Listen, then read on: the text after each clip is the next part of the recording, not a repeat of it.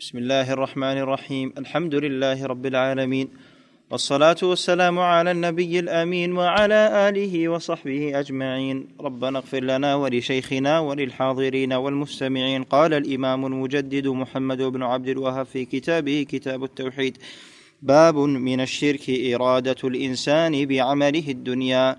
وقوله تعالى من كان يريد الحياة الدنيا وزينتها نوفي إليهم أعمالهم فيها وهم فيها لا يبخسون.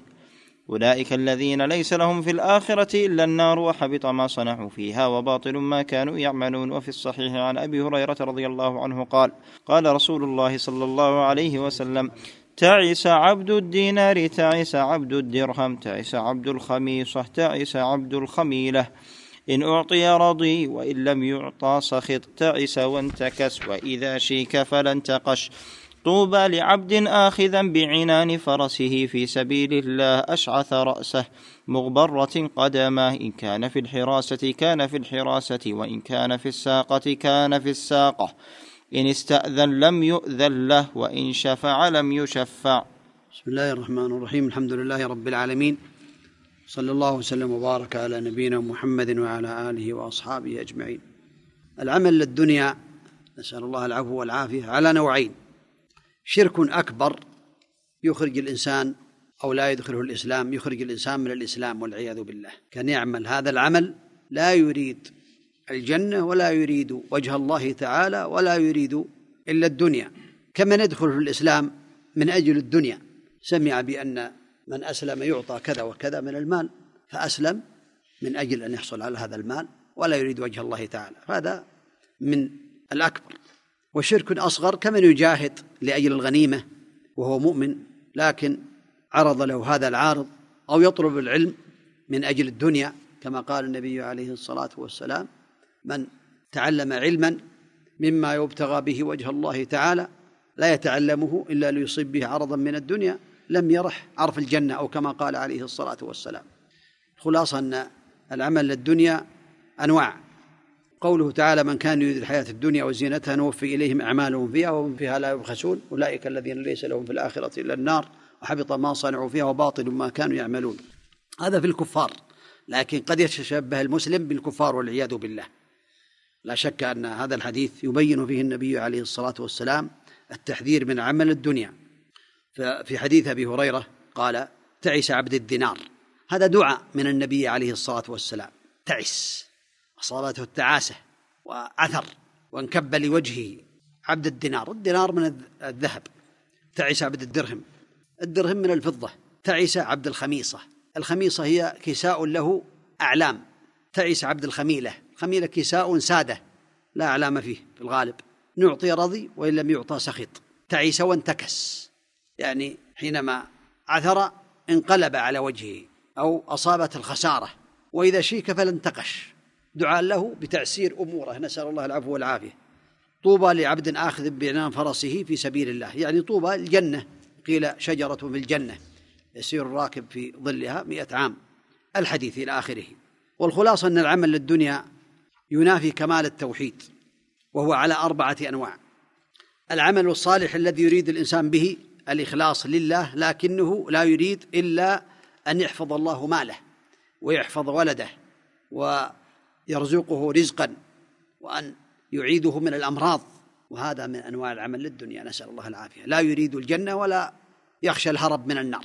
وإنما سمع قول الله تعالى ومن يتق الله يجعل له مخرجا فقام بالأعمال الصالحة من أجل أن يحصل على هذا. فهذا يدخل في العمل للدنيا. نسأل الله العفو والعافية. ولا يريد الجنة ولا خوفا من النار. النوع الثاني العمل رياء الناس ولا يطلب ثواب الآخرة وهذا أكبر من الأول. لا يريد ثواب الآخرة ولا يريد الجنة ولا يريد الهرب من النار وإنما يريد رياء أمام الناس كما يفعل المنافقون. نسأل الله العفو والعافية. الثالث يعمل أعمالا صالحة يقصد بها مالا وهو يقصد الخير لكن يقصد بها مالا يحج من أجل المال أو يجاهد من أجل المال أو يدرس ويتعلم من أجل المال. هذا نوع من أنواع العمل للدنيا. نسأل الله العفو والعافية. النوع الرابع يعمل بطاعة الله مخلصا ولكنه أتى بناقض من نواقض الإسلام. ذكر هذه الأنواع المؤلف رحمه الله تعالى الشيخ محمد بن الوهاب رحمه الله تعالى في بعض كتبه أن العمل للدنيا يدخل في هذه الأربعة الأنواع. نسأل الله لنا ولكم العفو والعافية في الدنيا والآخرة.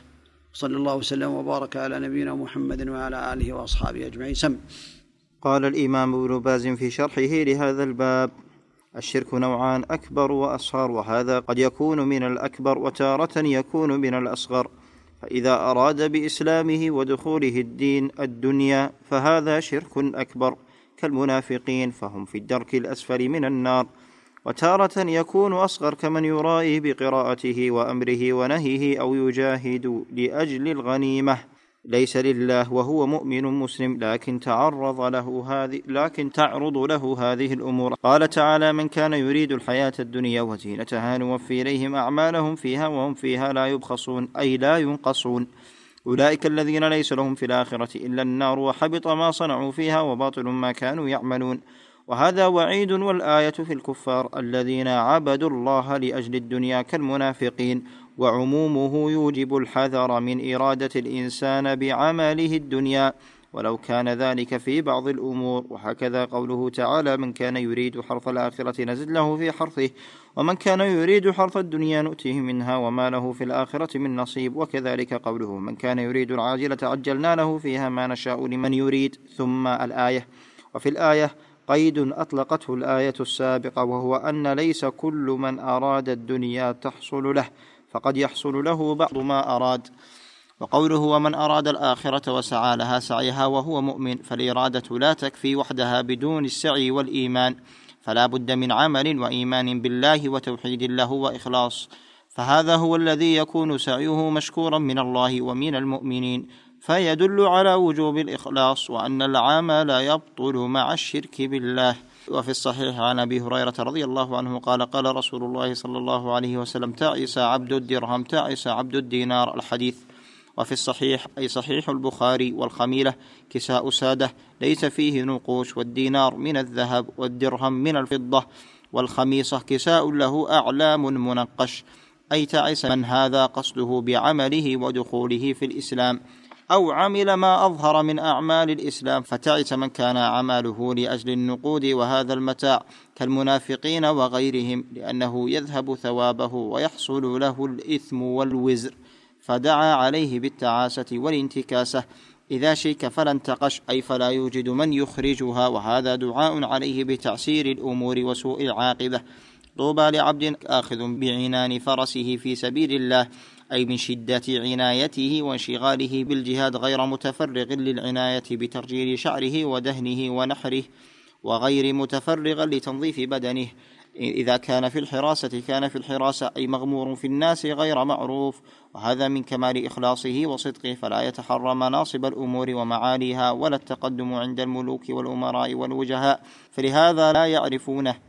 فهذا له الجنة والكرامة بخلاف المنافق ومن كان عمله للدنيا في أمره ونهيه وجهاده أو غير هذا من شؤون الدين فقد حبط عمله.